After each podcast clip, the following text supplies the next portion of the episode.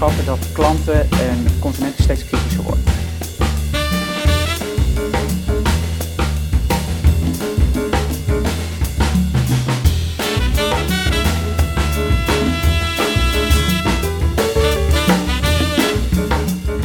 Hi en welkom bij CMO Studio, de video- en podcastrubriek van uh, Adformatie. We gaan uh, in gesprek met een absolute marketingtopper om de marketingactiviteiten door te nemen. We bespreken uh, het merknieuws van onze gast zelf. ja, en we roepen en passant ook nog even de winnaar van de week uit. Um, dat is dan samen zeg maar even your 15 minutes of marketing voor deze week. Ehm, heb je daarna nog tijd? blijf lekker hangen. Dan gaan we samen verder de diepte in van dit mooie marketingvak. Ik ben Roderick, redacteur marketing bij Adformatie. En ik ontvang vandaag Marijn Everaerts, oprichter en eigenaar van Dopper. Nou, Dopper is um, de herbruikbare waterfles uh, die zo'n 12 jaar geleden is gelanceerd. Nou, met als doel natuurlijk om wegwerpflesjes overbodig te maken en uh, het plastic probleem te verkleinen. Nou, nu zijn we zoveel jaar verder en dat, dat plastic probleem is eigenlijk alleen maar groter geworden. Nou, misschien vinden we vandaag een deel eh, van het antwoord op de vraag: um, welke rol kan marketing spelen bij het oplossen van het plastic probleem? Nou, Marijn, van harte welkom. Het is een eer en een genoegen om jou uh, vandaag te ontvangen uh, bij CMO Studio. Dankjewel. Leuk je gelijk. Ja. ja. Uh, we duiken meteen de, de, actualiteiten in. Mm -hmm. um, want zoals, zoals je weet, Mariette Hamer is, is druk bezig met, met de formatie. Die krijgt Jan allemaal uh, op zijn dak, op haar dak. Uh, zo ook de lobbyclub Transitie Coalitie Voedsel.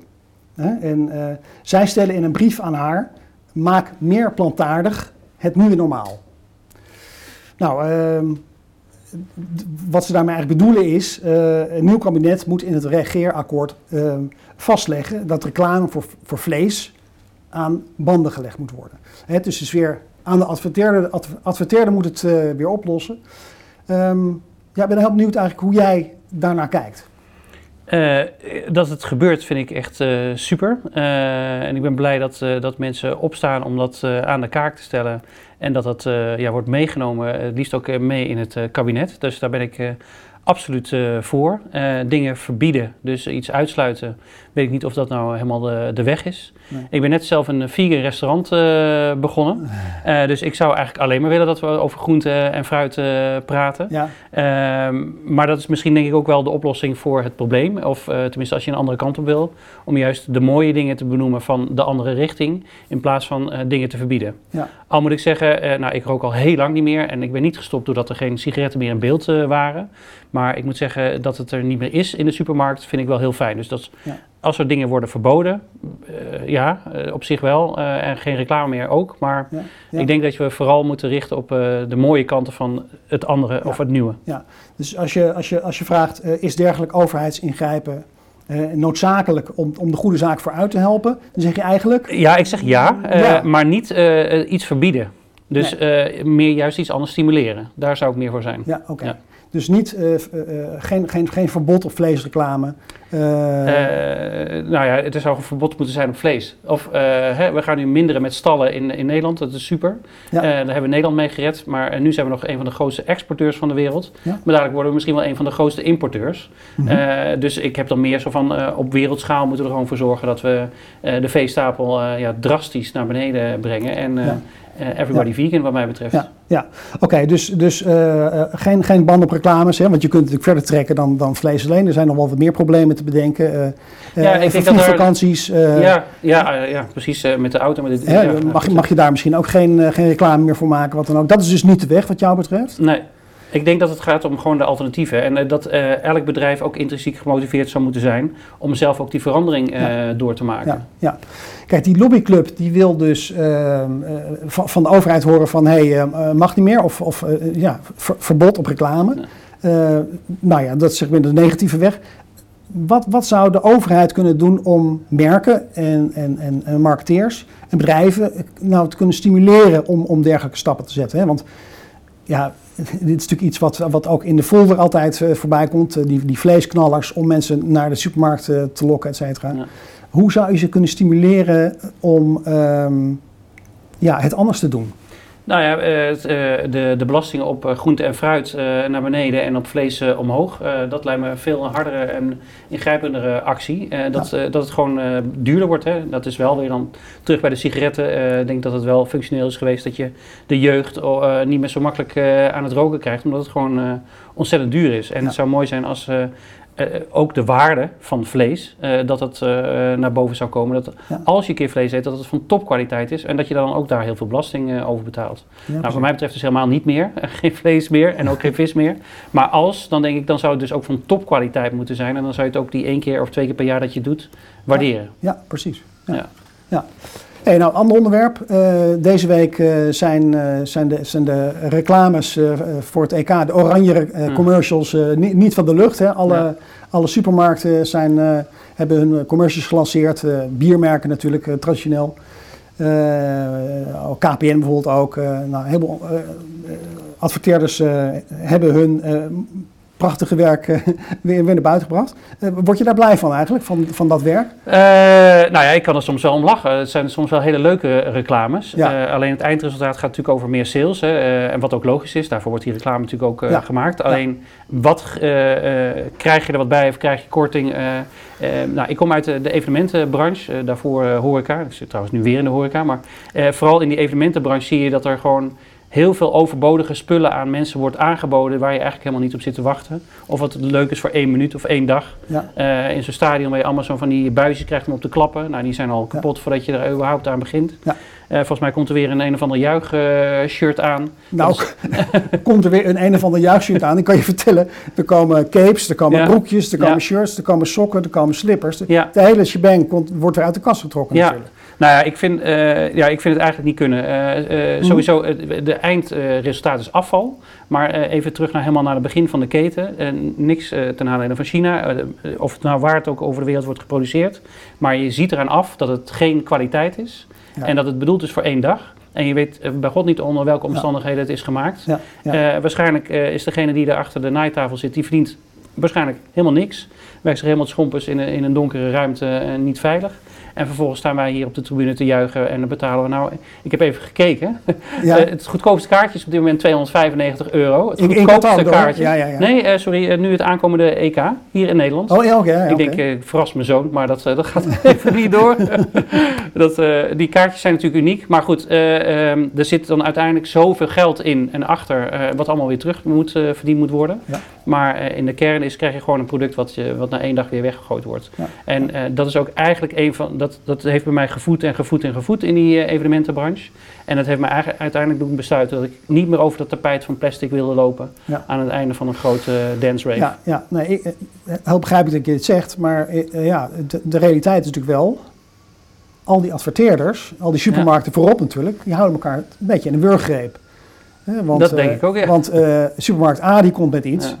ja. supermarkt B ook, ja, C kan niet achterblijven en D al helemaal niet. Nee. Ehm, ze willen allemaal die traffic hebben. Ja, klopt. Hoe, los je, hoe, los hoe doorbreek je zoiets Nou ja, nou? het is eh, misschien heel anders en nieuw denken, maar het zou toch fantastisch zijn als we juist, eh, nu hebben we het wel even over Qatar, maar het kan ook over Nederland gaan, dat, eh, dat, dat het wordt gekoppeld aan een goed doel. Bijvoorbeeld, je betaalt voor elk kratje betaal je een euro extra. Dan kost het de, de, de producent ook nog niks.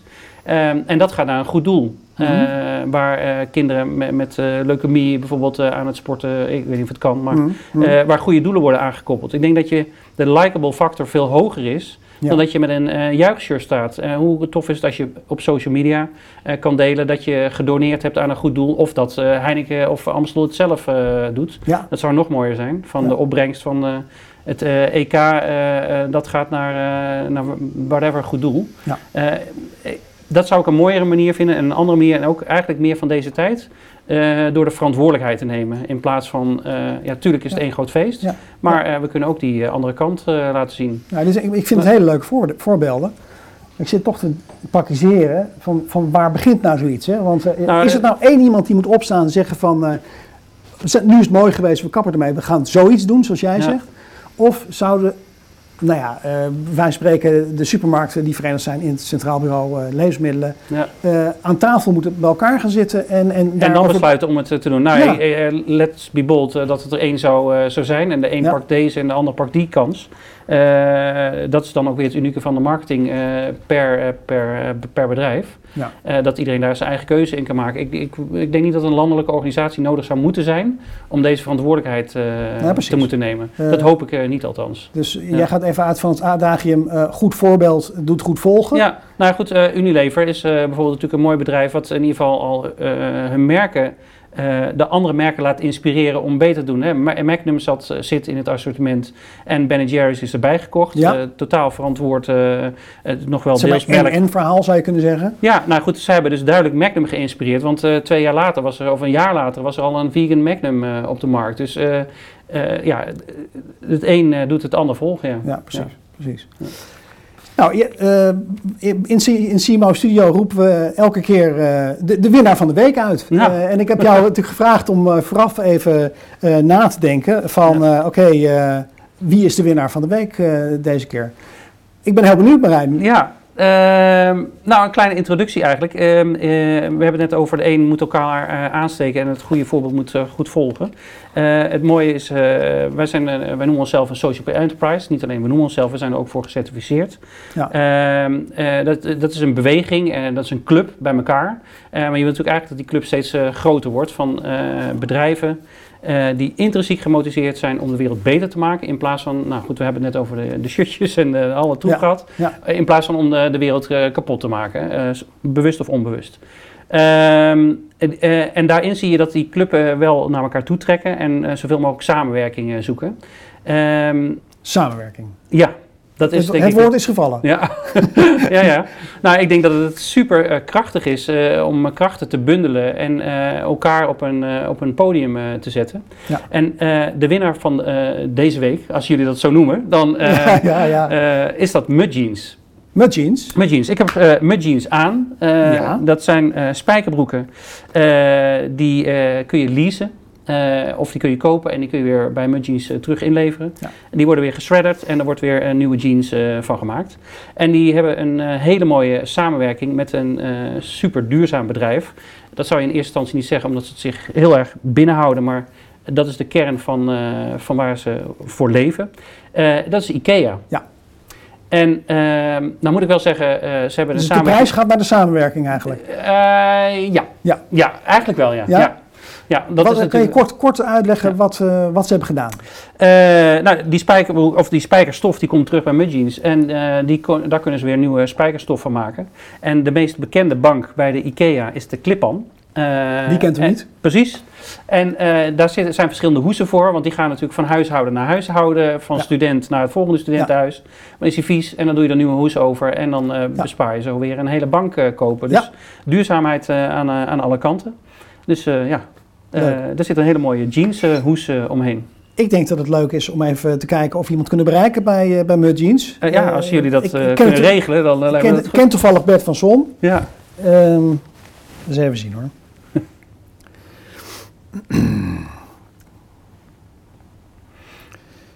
Bert van Son. Ik denk dat hij het heel leuk, eh, dat hij het heel leuk zal vinden. Dat denk ik ook. En het is sowieso uniek hoe hij eh, eh, begonnen is. Hè? Want ik heb het net over het leasen van de, de spijkerbroek.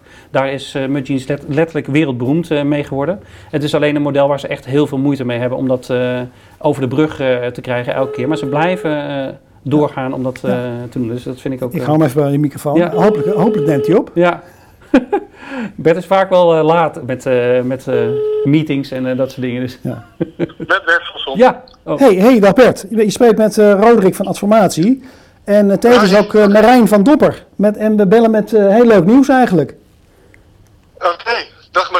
Hey Dag Bert. Ja, dat is een heel verrassende wending hier. We, gaan je, we zijn je aan het bellen. ja. Hey, um, Bert, je bent, uh, uh, of Mudjeans, uh, samen met IKEA, is, is uitgeroepen tot winnaar van de week bij CMO Studio. Fantastisch, wat mooi nieuws. Van harte gefeliciteerd. Hoe, hoe komt dat zo? Aan wie hebben we dit te danken? Dit ja, nou, dat, dat, heb jij, of dat hebben we te danken aan Marijn Everaars, die jullie op het podium zet of op het schild hijst hiermee. Uh, het gaat natuurlijk, gaat natuurlijk om, het, om de samenwerking tussen, tussen, tussen Mudjeans en IKEA. En ik vroeg Ja. me af of je kort kan uitleggen hoe je dat nou eh, voor, elkaar hebt gekregen. Nou, dat, dat, ehm, dat is een heel lang verhaal, maar ik zal het proberen kort te houden. Ja, één minuut. Eh, op een gegeven moment een podcast gedaan eh, die georganiseerd was, georganiseerd was door IKEA. En daar was hun eh, marketingmanager, Albrecht Pater. Ja. En na die podcast, eh, die, die, dat deed eh, Harm Edens. En die zei, ja, nou moeten Mudgeons en IKEA ook samen een product gaan maken. Aha, het moest van Harm. en, eh, ja, dus het komt eigenlijk allemaal door eh, Harm Edens. Het heeft, eh, moet ik heel eerlijk zeggen, de, de marketingmanager Albrecht Pater intern bij IKEA ongelooflijk zijn best gedaan. Ja. Om dat, eh, om dat voor elkaar te krijgen. Dus het was heel lastig, want ja, hoe, hoe een nieuw product aanmaken, dat gebeurt eigenlijk alleen maar in Zweden. Nou ja, Ja. ga maar door, de, de, de Ja. uitdagingen zijn eindeloos. Dus we hebben vooral het geluk gehad dat iemand intern bij IKEA zijn schouders eronder heeft gezet. Oh, En wij hebben natuurlijk daar zelf ook heel hard aan gewerkt door alle informatie, de stoffen. Wij zijn natuurlijk eh, het kleine bedrijfje dat al heel veel ervaring heeft met het recyclen van, eh, van denim. Ja. En dat was voor IKEA interessant, omdat zij graag, ik geloof in 2030, helemaal circulair willen zijn. Ja. En dan moet je wel ergens beginnen. Ja, precies. En om het helemaal zelf vanaf scratch te gaan doen, eh, is een enorme uitdaging. Samenwerking is dus het gouden woord hierin eigenlijk. Ja, Ja, ja, precies. dat, dat klopt. Ja, hey, en ehm, ja, ik vind het een eh, geweldig idee. Ehm, Ja. Heeft het, heeft het eh, enige schaal? Kan, je, kan je iets zeggen over het volume? Ja, nee, dat, dat was fantastisch, want het begon natuurlijk in Nederland. Dus we hebben uiteindelijk de eerste samples gemaakt en daar foto's van gemaakt. En eh, nou, dat was ook lastig, want eh, de clippan bes- bestaat in twee vormen. Wisten we, de oudere clippan die past niet goed. Dus we hadden zo'n ding gratis van Marktplaats opgehaald en gepast. nou, dat ging al fout. Maar goed, eh, ook dat zijn we weer overkomen. Ja. Uiteindelijk hadden we de goede en, en mooie foto's ervan. En begonnen de collega's van uh, Albrecht intern bij IKEA, Ja. de, de, de Europese collega's, te zeggen: hé, hey, dat vinden wij ook interessant. Dus het begon zelf eh, een eigen leven te leiden binnen de IKEA-groep. En Duitsland sloot aan en later eh, Engeland en Frankrijk. En ondertussen hebben we hem nu verkocht aan negen landen van IKEA. Oh, leuk. en Ja. hopelijk gaan er nog meer komen. Kan je, Ja, kan je, een kan je, een, aantal, Ja. kan je een aantal stuks noemen, Bert? 8.500. Ja, we hebben er nu 8.500 verkocht. Ja. En we hopen inderdaad, voor ons was het waanzinnig interessant, omdat er, daar gaat iets van 5, 6 meter in één zo'n cover. Dus wij konden een geweldige eh, opdracht geven aan onze Spaanse fabrikant van de stof. Ja. Om in één keer 100.000 meter te maken. Ja, dan, dan, met dat volume praat je ook over andere prijzen. Schitterend. Dus, dus, Bert, dus eh, geweldig. Ik, eh, ik, eh, ik, ik moet je afkappen, want we gaan het gesprek met Marijn hier verder voeren. Eh, Ja. ja, anders is hij hier ook voor niks gekomen, denk ik. Dus eh, eh, hartstikke leuk dat je even aan de telefoon kon komen. Ehm, Graag en nogmaals gefeliciteerd. voor deze mooie, mooie prijs. Wij spreken elkaar snel weer. Dat hoop ik. Dankjewel, Bert. Dankjewel Bert. Tot Dankjewel. ziens. Hoi hoi. Hoi. Nou, leuk. Nou, dat is wel een goeie, want eh, ik heb dus eh, nu ook eh, mijn stagiaire eh, gevraagd om... die, sto- die stoffen komen deze week komen de modellen volgens mij binnen. Dus ik heb ook twee banken nu besteld. Die komen bij ons op, op kantoor. Marktplaats. Maar je moet dus, ja, gratis op Marktplaats. Gratis natuurlijk. Ja, Ja, hoor. Ja. dat is echt Her- fantastisch. reuse. Ja. Ja. Maar nou ja, goed, ik moet wel even de juiste maat weten, dus begrijp ik nu. Kom je achter. Laten we even naar, jou, naar je eigen marketingpraktijk gaan. Ja. Ja. Ja, als je bij jullie eh, op de site kijkt, dan zie je dat jullie onwijs actief zijn. Dat er enorm veel initiatieven tegelijkertijd, eh, tegelijkertijd worden genomen eigenlijk. Een hoofdlijn is, eh, is Dopper Wave. Zeker. En kan je misschien uitleggen wat dat dan precies is? Aan de hand van een recent voorbeeld met Swapfiets. Ja, Ehm, wat we eigenlijk vragen is om bedrijven en individuen, maar vooral bedrijven, omdat je daar eh, schaalgrootte kan eh, maken, eh, de Dopper Wave te laten tekenen. En daarmee beloof je als bedrijf en al je medewerkers dat je geen petflessen voor mineraalwater meer in je assortiment hebt en dat je dus alleen maar water tapt. Ja. Eh, dat is in essentie waar het eh, om gaat. Individuen is belangrijk dat mensen zichzelf kunnen inschrijven voor die wave. Je krijgt een certificaat daarvoor, een digitaal certificaat. Ja. Maar voor bedrijven natuurlijk super belangrijk, als we daar weer teruggaan naar de, naar de werkplek, dat er in de kantines geen petflessen voor mineraalwater meer worden verkocht Precies. of weggegeven. Is eigenlijk stukje voor stukje. Hier, Bedrijfje hier, bedrijfje daar. Precies, en Elke de ene is groot en de andere is wat kleiner. Ja. En het leuke natuurlijk met swapfietsen is, het gaat gewoon om duurzaamheid. Dus daar vinden we elkaar. Eh, Ja. En ja, met like-minded eh, people kun je meer, eh, meer bereiken. Nou, dus met Bert en Ikea. Ja, precies. Want, Ja. want het idee is ook dat zij dan eh, eh, echt deze boodschap ook gaan uitdragen Ja. naar, naar andere mensen? Ja, Hoe er werkt dat? Eh, nou ja, dat is een officieel moment dat de directeur of de verantwoordelijke daarvoor tekent. Ja. Dat wordt op de social media van het bedrijf zelf gezet en wij delen het ook nog een keer. En zo moet dat balletje steeds sneller, sneller gaan rollen. Ja, ja. Nou, het, het is weer een voorbeeld dus- van, van, van samenwerking. Hè? Dit ik denk dat het woord is wat misschien wel centraal staat in dit gesprek. Ja, nou goed. En ook voor, voor ons is het heel belangrijk, omdat we doen heel veel dingen. Misschien soms wel een beetje te veel. Maar eh, het is ook fijn als je een soort aan een rode draad kan eh, teruggrijpen. dat Ja. noemen wij de Always On campagne. Ja, En dat is eigenlijk deze. Eh, zodat je, je kunt altijd de naar een- Doppelwave bedoel je? Ja, de Doppelwave, Ja. ja. Dus je kunt altijd eh, een partner vinden om mee samen te werken. Of Ja. eh, een bekende eh, wereldster die, die het tekent. Dus hier, dit kun je altijd doen totdat, het, totdat alle petflessen uit de wereld zijn. Ja, precies. Ja. Andere samenwerking eh, werking, eh, met Elvis en Kresse. Ja. Het zijn mij eerlijk gezegd helemaal niks. Nee, het is een luxe, hoe noemen ze dat? Een, ja, ik noem het altijd portemonnee-merk, maar dat zo, dat zo heet het vast niet. Maar het is een, een, luxe accessoire-merk uit, uit. Engeland. Ehm, en zij maken hoofdzakelijk van brandweerslangen, maken zij eh, leren tassen, portemonnees, riemen eh, en dat soort eh, accessoires. En wij, wij zijn al, nou niet echt op zoek, maar er wordt ons al heel vaak aangeboden om een dopperhouder te, te maken. Die, Ja, die je om ja. kan doen bij een festival of mee op reis in de Oh. Eh, en we hebben we ook ooit gehad, maar het was allemaal een beetje van het goedkope eh, spul. Het was niet echt Shiggy Nee, het was niet chic genoeg voor, voor een mooie designfles. Nee. Eh, Elvis en Crescent maken alleen maar hele mooie dingen. Ehm, dus dat leek ons een hele mooie eh, samenwerking. Ja, geen wegwerp dus. Nee, dat, Dat is eh, zeker geen werkwerp. Nee. Ja. Nee, het mooie is, het is gemaakt dus van brandweerslangen, dus er heeft Ja. al water doorheen gestroomd. Eh, dat kon niet beter dan, eh, dan dat we Ja, gingen samenwerken. En dan is het idee natuurlijk die samenwerking, samen de boodschap verspreiden. Die PR-poot in jullie marketingdenken, dat is misschien wel het belangrijkste. Ja, ja, ja, wat je net zegt, samenwerking is de key. En ik denk dat we continu zoeken naar samenwerking op wat voor manier dan ook. Ja. Om te laten zien dat we niet alleen zijn en alleen maar van de toren roepen wie we zijn en wat we doen. Ja. Maar dat anderen dat ook vinden. Een andere rode lijn die ik bij jullie een beetje zie, is, eh, is, het, is het winnen van de awards. Ja, Ik, Ja. eh, eh, nou, de, de meest recente is de, de Green Product Award 2021. Ja. Ehm, voor deze hele mooie glazen dopper. Aha, oké. Speciaal voor deze. Dus Ja. niet voor dop het algemeen, maar het is vooral voor dit Ja, unieke design. Ja, ja. En eh, ja, als je dus gewoon elk jaar eh, zoveel van die awards eh, binnensleept, gaat dat Ja. dan op een gegeven moment wel een beetje vervelen? Want je moet Nou, fijn keer... dat je die indruk hebt. maar het voelt voor ons als we, dat we niet genoeg prijzen pakken. Dus, Oh, moet, daar moet een versnelling op komen. Nee, maar er hoeft helemaal geen versnelling op te komen. Maar ik, ik vind het super belangrijk voor de consument om te zien dat je relevant bent en meetelt. En het is een designfles. Ja. En vooral dat, daar willen we winnen. Eh, maar goed, we, ik heb gisteren gesproken bij eh, de ondernemingsprijs van Noord-Holland. Eh, omdat het- wij daar ooit winnaar waren geweest. Ja, ja. Ehm, en ik denk dat, dat het fijn is als je niet alleen zelf denkt dat je heel goed bezig bent, maar dat ook vooral andere mensen dat vinden. Ja. En hoeveel meer onafhankelijke juries er zijn, des te beter. en dat maakt je merk alleen maar sterker. Ja, Ja. Mooi. Nou, einde deel 1. tot zover eh, Your 15 Minutes eh, of Marketing. Eh, Mhm. Heel veel dank eh, voor het kijken of luisteren.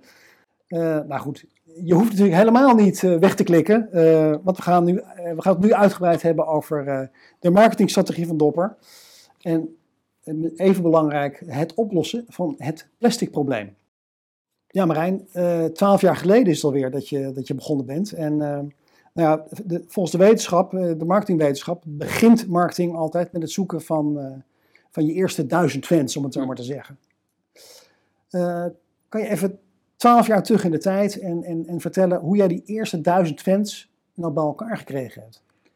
Ehm, Twaalf jaar geleden, en nu nog steeds, je geeft het al aan, het probleem is er nog steeds. Maar twaalf jaar geleden voelde ik zo'n grote urgentie dat de zeeën werden bevuild met plastic. Eh, hadden we het nog niet eens over rivieren, want daar komt het eigenlijk vaak eh, vandaan. En dat is ook pas later meer aan het licht eh, gekomen.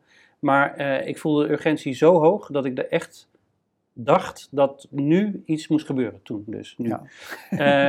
Ehm, en dat dachten dus meer mensen.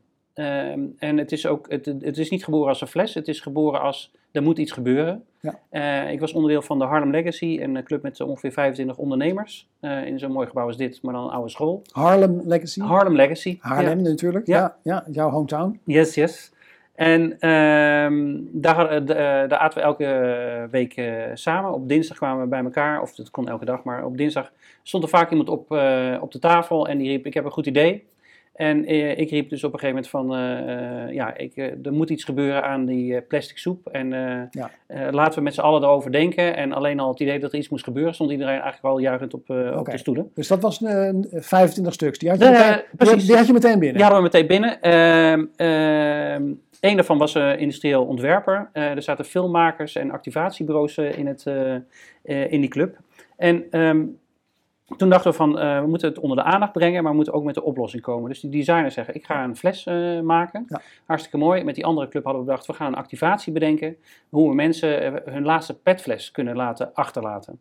Eh, Sorry, hoe? Die, dat ze hun laatste petfles achterlaten ergens. Gewoon dat Ja. je een moment hebben dat ze zeggen van Ah. ik neem nu afscheid, dit is mijn laatste Dus fles. eh, vergelijkbaar met de laatste sigaret. Ja. Ik maak hem uit. eh, ja, en nu is het klaar. klaar. Dus dat wilden we creëren. En eh, nou goed, er kwam die jongen die had een fles gemaakt, ontworpen, op papier dan. En daar stond hij niet achter, wij stonden niet achter, die Nee. 25 anderen stonden. dacht ook, ja, het is leuk, maar het is meer een, een bidon. Niks te nadelen van wat hij ontworpen heeft. Ik ben nog steeds blij dat het Beetje- daar begonnen beetje is. een lelijk ding eigenlijk. Ja, het was gewoon niet mooi. Het was niet. Ik wilde iets creëren wat, eh, wat je altijd wil koesteren en bij je wil houden. En Ja. niet wat je dus in de gym verliest en dan denkt, nou goed, ik laat hem liggen. Maar niet Nee, uit. dat je terug gaat naar die gym en je wil gewoon je eigen fles weer eh, hebben. Ja, ja, ja. Dus toen kwamen eigenlijk twee eh, werelden samen. En we gaan een activatie organiseren. En doordat die activatie heel groot wordt, tenminste, dat was ons doel, hebben we de aandacht en zeggen we, we zijn eigenlijk op zoek naar de oplossing, een duurzame waterfles. Dat was eind 2009. Eh, En op 3 januari 2010 hebben we toen een flashmob georganiseerd in eh, Utrecht eh, om eh 11 uur 's ochtends, om 1 uur eh, hier in Amsterdam. En ehm, eh, eind van de middag rond een uurtje of drie in eh, Haarlem. De flashmob, ja, die bestond toen nog. Die, Precies. Die, die zien we helemaal niet meer Nee. tegenwoordig. Nou, daar kwam waar ik is die, waar is die even gebleven, voorbij. de flashmob? Ja, want het is zo onwijs leuk om, eh, om te doen en om Ja. mee te doen. Maar Ja. goed, ik begrijp de lol is er nu wat minder, meer af. Maar, maar, Maar toen was het helemaal hot. Dat Dus, met een dansje of wat dan ook, of, of zingen, of Ja. wat was het precies? Nou, het idee is, je komt als groep bij elkaar. Ja. Je doet iets spontaans en je neemt daarna weer je normale leven in. Dus er gebeurt iets en het gaat weer weg. Eh, en het idee is ook dat je iedereen mee kan doen. Dus eh, van tevoren krijg je de instructie. Eh, en dat was mooi, het was dus toen kerstvakantie. Dus iedereen die wilde, die kon aanhaken. Die kon een dansje oefenen gedurende de, de kerstvakantie. Aha, oké. Dus er, was, er was al content vooraf Ja, dat hebben we dus met die filmmakers gemaakt Juist. en activatiefilmpjes Ja, van het probleem uitgelegd. En dit is je kans om op 3 januari je laatste petfles achter te laten. Maar om er aandacht voor te vragen, moet je wel eerst dat dansje doen. Eh, en ik kan vertellen, eh, er zijn volgens mij eh, van de meer dan 500 mensen die uiteindelijk aanwezig waren in die drie Ja. steden, Ja, hebben we volgens mij iets van 30 petflesjes teruggekregen. Dus het was meer dat mensen meededen voor de lol, dan Ja. dat ze nou echt bewust waren van waarom ze er waren. dus het was in die zin nog geen gillend succes, kan je zeggen. Nou, niet voor de oplossing voor het probleem, maar wel voor de aandacht voor de ontwerpwedstrijd. Want die, die was er dus gelijk. Ja. Eh, want dat was de kick-off van de ontwerpwedstrijd. Ah, Eh. We hebben veel persaandacht gehad, eh, radio en schrijvende pers, die daar naartoe kwamen. Die, want het, was toen nog interessant om dat te zien wat er gebeurde. Ja. En zeker als er dus een, een boodschap achter zat. Ja. En daar gingen dus heel veel ja, radiostations en schrijvende pers gingen daarop aan. En dat heeft, het heeft in de krant gestaan met de vraag: eh, we zijn op zoek naar het ideale flesje voor kraanwater. Dat was eh, ja. de vraag. Ja. En daar is toen eh Dopper uitgeboren. Dus toen hadden we al 525 eh, fans, om het zo maar te zeggen. Ja. En wat we Er is nog eigenlijk. 475 te gaan voor de eerste duizend. Precies. Ja, maar ik denk dat het er stiekem duizend waren, want er zijn natuurlijk ook heel veel mensen niet gekomen die er wel van gehoord hebben. Precies. Maar wat we gedaan hebben is ook met het ontwerp hebben we toen op Wereldwaterdag gelanceerd in maart. Eh, hebben we de mensen eigenlijk meegenomen in het hele proces. In de social media, die toen natuurlijk veel kleiner was dan nu, maar we hebben wel de mensen meegenomen. Eh, en we gingen naar heel veel eh, evenementen toe om te, eh, kraanwater te laten proeven. En alles bij elkaar ja, maakt dat we eind augustus de fles hadden, uiteindelijk eind oktober. Ja. Maar dat je vanaf augustus flessen kon bestellen. Nou, ik weet niet hoeveel er besteld zijn, maar er zaten we al wel ver over de duizend. Ja. En sterker nog, Essent, de marketingbureau van Essent, die heeft het ook, hij had het ook ergens in de krant gelezen. En die hebben toen voor 10.000 eh, medewerkers Ja. eh, eigenlijk de eerste grote Tien- B2B-opdrachten. 10.000. Ja, Ja. oké. Nou, dat, dat is En dan eh, ja, ik zei toen van dat gaan we regelen, maar dat was, eh, nou goed, behoorlijk nachtwerk. was, al, eh, was al moeilijk. Ja. ja. Nou, de geboorte van de fles dus. Leuk om eh, dat eh, verhaal nog, eh, nog een keer te horen. Ja. ik moet je eerst zeggen dat ik eh, aanvankelijk wel eh, ook een beetje mijn, mijn reserves had. Want ik dacht van ja, eh, je kunt ook gewoon zo'n zo'n zo'n wegwerpflesje duizend keer hergebruiken. Ja, Wat is daar dan mis mee eigenlijk? nou het heet wegwerpflesje, Ja. omdat het bedoeld is om weg te werpen na één keer gebruik, of misschien tien Ja. keer gebruik. Ja. Eh, maar, ja, ik was dan zo'n sukkel die dat flesje dan elke keer meenam en eh, Nou, nee, ik vind, dat juist, ik vind het supergoed dat mensen dat doen, want dat betekent dat je nadenkt over het milieu. Alleen je moet ook aan jezelf denken. Ja. Het, eh, door het kraken van het plastic komen de gifstoffen vrij. En die drink je dus elke keer uit het petflesje. Ah, Eh. En het is, eh, en dat hebben we ook toen in ons eerste videootje laten zien. Het is ook onmogelijk om hem goed schoon te maken. Er blijft altijd iets van residu, het klinkt niet zo lekker, maar van je speeksel achter in die fles. En eh, dat wordt Gross. langzaam. Ja, dat is very gross. Vaak zie je het niet, maar als je een bidon heel lang in je sporttas laat liggen en ja, twee weken later denk ik, wat is dat geurtje? Nou, dat, Ja. is, dat, is, dat ben je zelf, maar dan in die fles. Ja, jammer is dat. Ja. Dus, dus er moet een alternatief komen in plaats van. Het gaat dus om het juiste plastic. ja, precies. Eh, ja, en, Ja. en om het, eh, ja, nou ja, de, de, de- naam wegwerp zegt het inderdaad al in dit Ja. geval. Eh, andere kant is, die, die dopperfles, wordt die nou wel zo gekoesterd als wel eens wordt beweerd? Want ik kan me ook voorstellen Ja. dat, dat er veel van die flessen toch ook in het ongereden raken, eh kwijtraken, Ja. vergeten. Of in het begin, nou leuk, ik, ik begin ermee, maar dan, dan staat het ook ergens in een kast. ja. Eh, is dat, eh, hoe, Ja, dat is, hoe eh, effectief is het eigenlijk? Nou, dat zien wij a- echt wel als een probleem, zeker in Nederland. Eh, daarom zijn onze eh, de marketing approach in andere landen is ook eh, duidelijk anders dan dat we hier in Nederland zijn eh, gestart. Ja. Eh, die eerste 10.000, ik had helemaal niet nagedacht over B2B. Ja. Ik had alleen maar daar nagedacht over dat je het zou kunnen personaliseren voor jezelf. Maar ja, kunt natuurlijk ook personaliseren voor je bedrijf. Ja. Ehm, eh, ik kan niet ontkennen dat het ons groot heeft gemaakt. eh, dat we daardoor meer eh, turnover hadden om echt dingen te kunnen doen. is de B2B. Dus dat gaat per 10.000 of 5.000 of 1000, maar soms ook meer dan 20.000.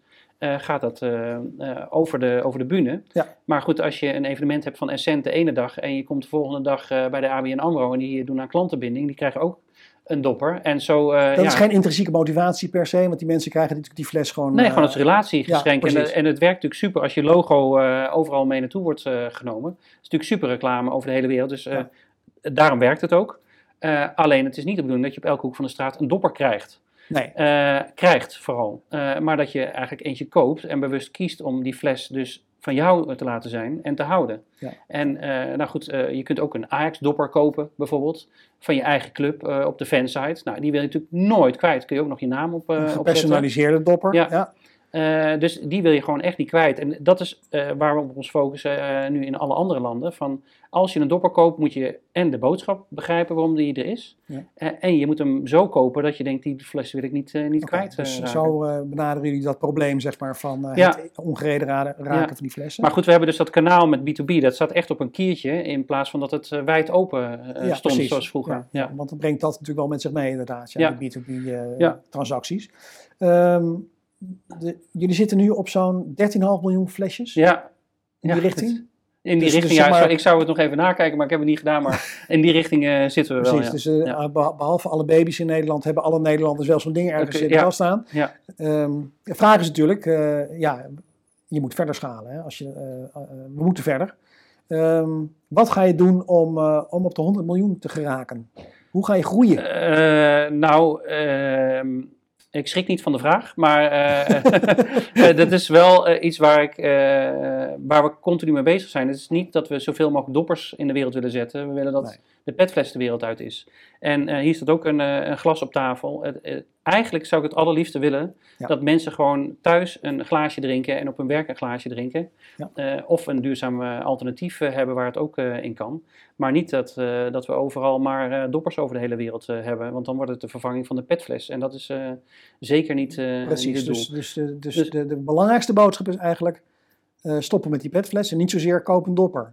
Eh, ja, inderdaad. En als we daardoor overbodig raken, dan, eh, dan zijn we daardoor overbodig. Eh, Ik ben net een vegan restaurant gestart.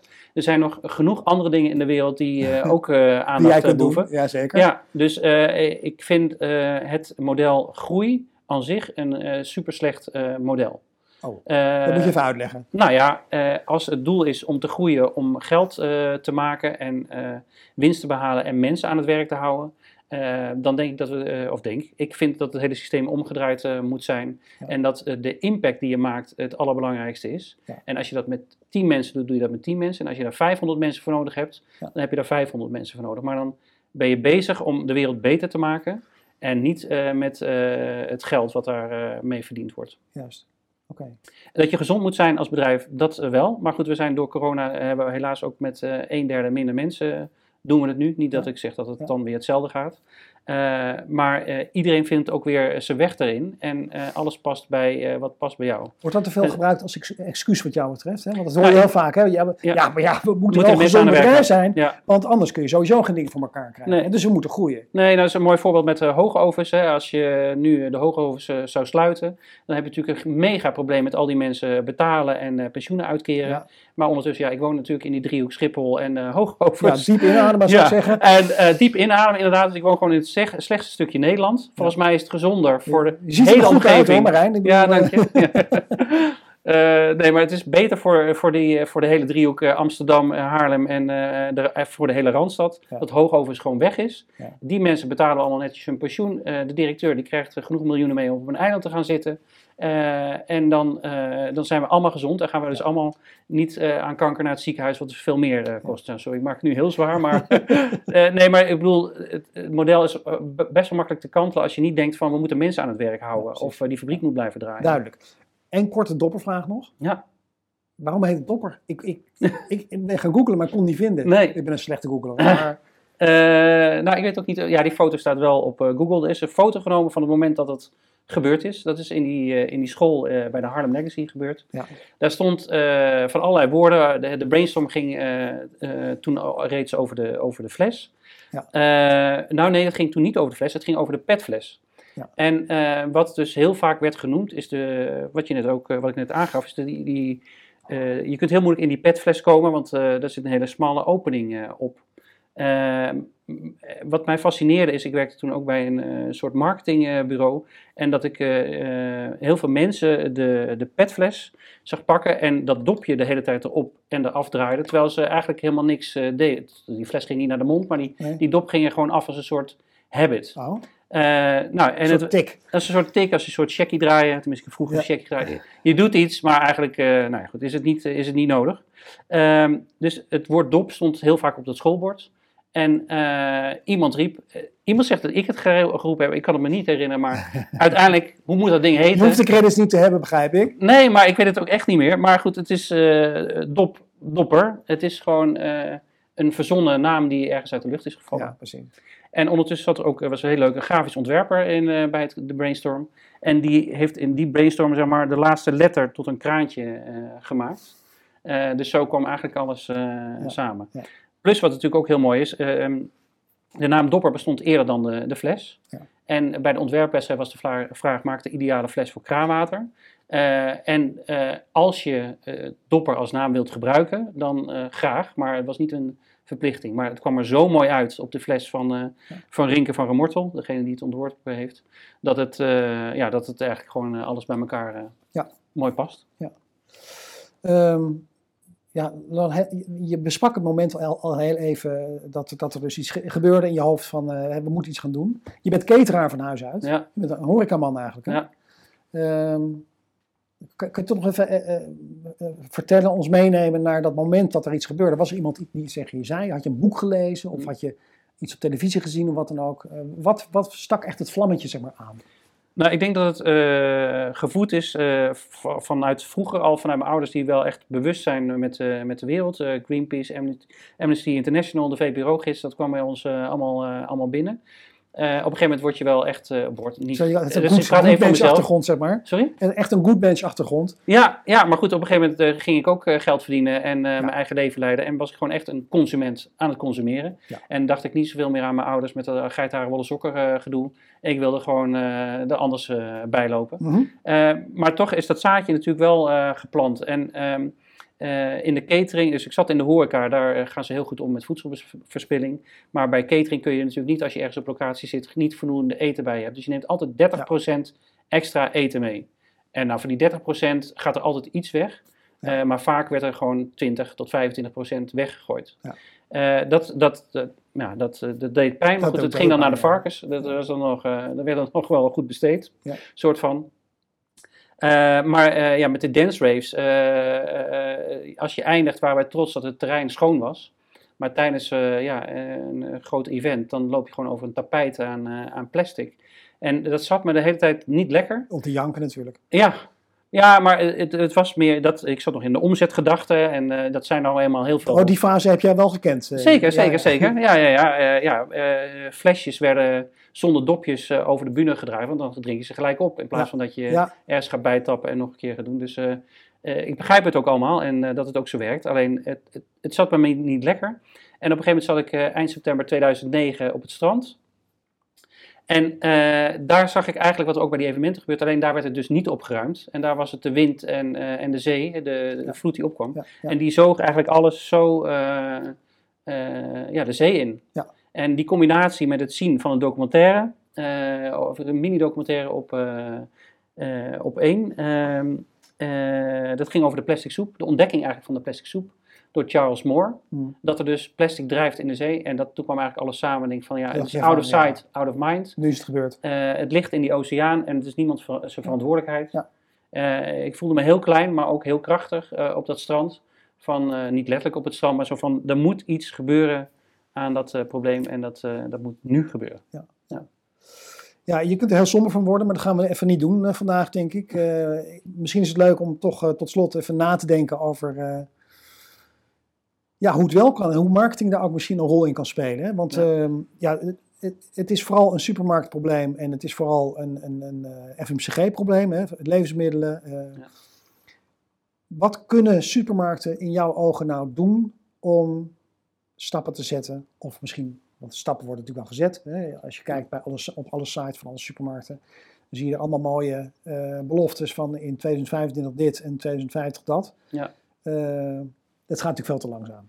En wat, wat, wat zie jij voor je wat een supermarkt dan bijvoorbeeld kan doen? Nou, waar ik eh, super blij mee ben en eh, vele mensen heel hard voor gestreden hebben dat eh, de statiegeld komt op petflessen en later ook op blikjes. Ja. Dus dat vermindert tot eh, 90% van wat er nu in Nederland op straat ligt. Dat is bewezen in landen waar dat, Ja. Waar dat werkt.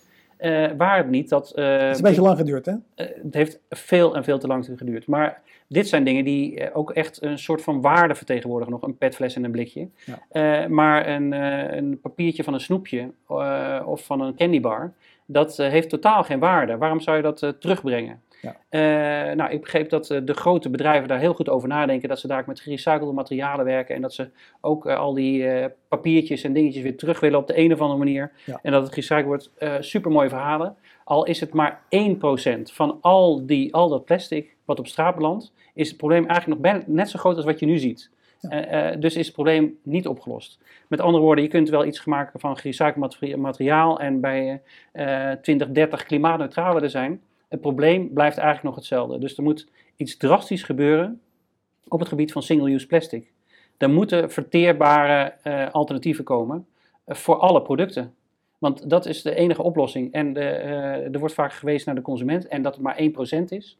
En eh, de consument heeft ook zijn verantwoordelijkheid. Dat klopt.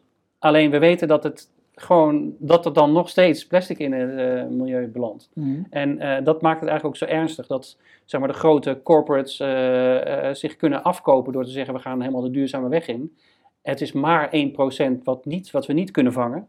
Maar dat is nou juist het probleem. Dus eh, rethink eh, what you do. En eh, als je het hebt over mineraalwater, dan denk ik dat we gewoon moeten kappen met mineraalwater. En zorgen dat er overal schoon drinkwater uit de kraan moet komen. Dat lijkt me de simpelste oplossing. Laten we in gedachten even door de, door de, door de groenteafdeling lopen van, Ja. het maakt niet uit welke Ja. supermarkt. Ja, maar goed, daar zie ik wel nu al heel veel goede alternatieven van afbreekbare plastics. Die zitten weliswaar vaak weer over de wat duurdere biologische groenten. Maar daar zie ik wel al een hele kleine trend Ja. eh, de goede kant op. Maar eh, En van de multiple choice, eh, zit de oplossing vooral bij consumentengedrag nee, of zit die vooral bij innovatie? ja, absoluut innovatie. Ja? Innovatie en, en willen. Hè? Dus je moet als bedrijf moet je echt intrinsiek gemotiveerd zijn om het echt anders te doen. Ja. En niet zeggen dat de verantwoordelijkheid ligt bij de consument. Ja. Ja. En wat wel goed is om te weten, want dat is vaak van waarom zit er nou zo'n papiertje om zo'n komkommer heen?